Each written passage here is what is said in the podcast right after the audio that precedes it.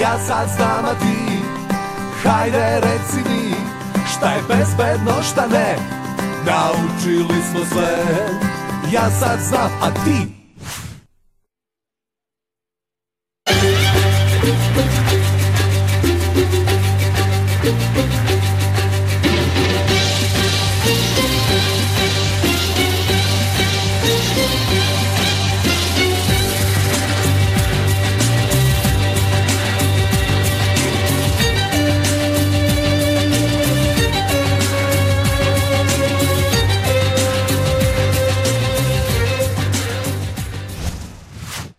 Lepo vreme je prilika da uživamo u prirodi sa društvom. Šume, livade, pašnjaci, roštilj. Malo nepažnje može dovesti do velike opasnosti. Šta treba raditi u takvim situacijama? Odgovore smo saznali od stručnjaka.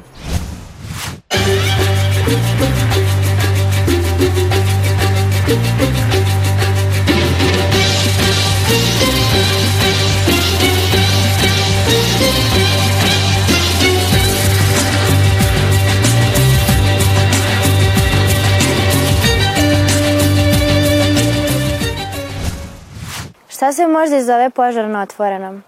Požari na otvorenom nastaju na razne načine. Uglavnom je to ljudska nepažnja, bacanje pikavaca, kad se ne ugasi da vatra posle roštiljanja i slično, zatim udarom groma i naravno namernim paljevinom. Kako ga možemo sprečiti? Požare na otvorenom najlakše je sprečiti podizanjem ljudske svesti, odnosno to da se ne bacaju pikavci, da se ne baca smeće u prirodi, jer smeće samopaljenim izaziva požare. I naravno u slučaju ako dođe do požara, da se ugasi dok je on još mali, dok se nije razvija. Ako vidimo požar u prirodi, da li smemo sami da ga gasimo? U slučaju da ne postoji opasnost po vas ili druga lica, smete sami da ugasite požar i naravno ako ste u mogućnosti da ugasite požar, ako je on dovoljno mali i imate čime da ugasite požar. Kako bi sami mogli da se zaštitimo? Najlakše je to da, da se sklonite. Dakle, da se udarite što dalje od požara, da pazite na smjer vetra i naravno na dim. Poželjno je ako možete da nakvasite neku krpu, da prebacite preko nosa i usta, da ne biste udisali dim. Ako je vatra velika, gde je najsigurnije? Najsigurnije je naravno što dalje od vatre, odnosno od požara. Bitno je da se udaljite na dovoljno bezbedno rastojanje i da pazite na smjer vetra, jer vetar može naneti vatru bliže vama i naravno može naneti dim koji je izuzetno štetan. Šta kada se desi požar? Kada se desi požar na otvorenom, slučaju da je on mali, e, možete da ugasite požar, probate da ugasite požar. Ukoliko je to nemoguće, onda je bitno da se sklonite na određenu bezbednu udaljenost i da obavestite vatrogasce spasioce tašnoj lokaciji i šta gori. Koje opasnosti donosi požar?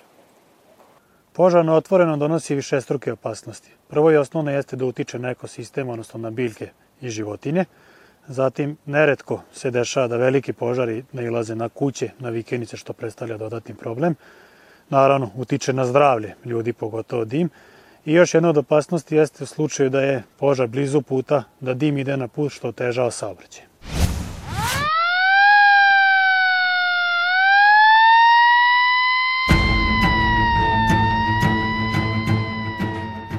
Ne palite roštilj na otvorenom prostoru u blizini šuma ili u blizini suve trave ili grana.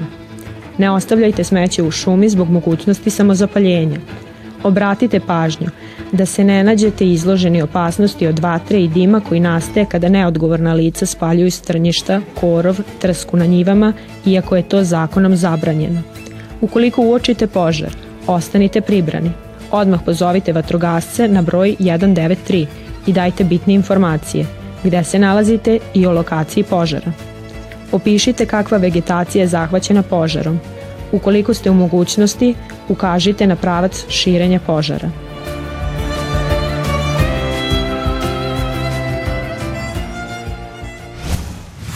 Požari na otvorenom, šumski ili druge vegetacije, žbunje ili suva trava, šire se jako brzo tokom leta. Uzrok tome može biti nepažnja ljudi ili vremenske prilike poput udara groma ili visoke temperature. Zato učinite ono što je do vas. Budite odgovorni i oprezni kako biste bili sigurni.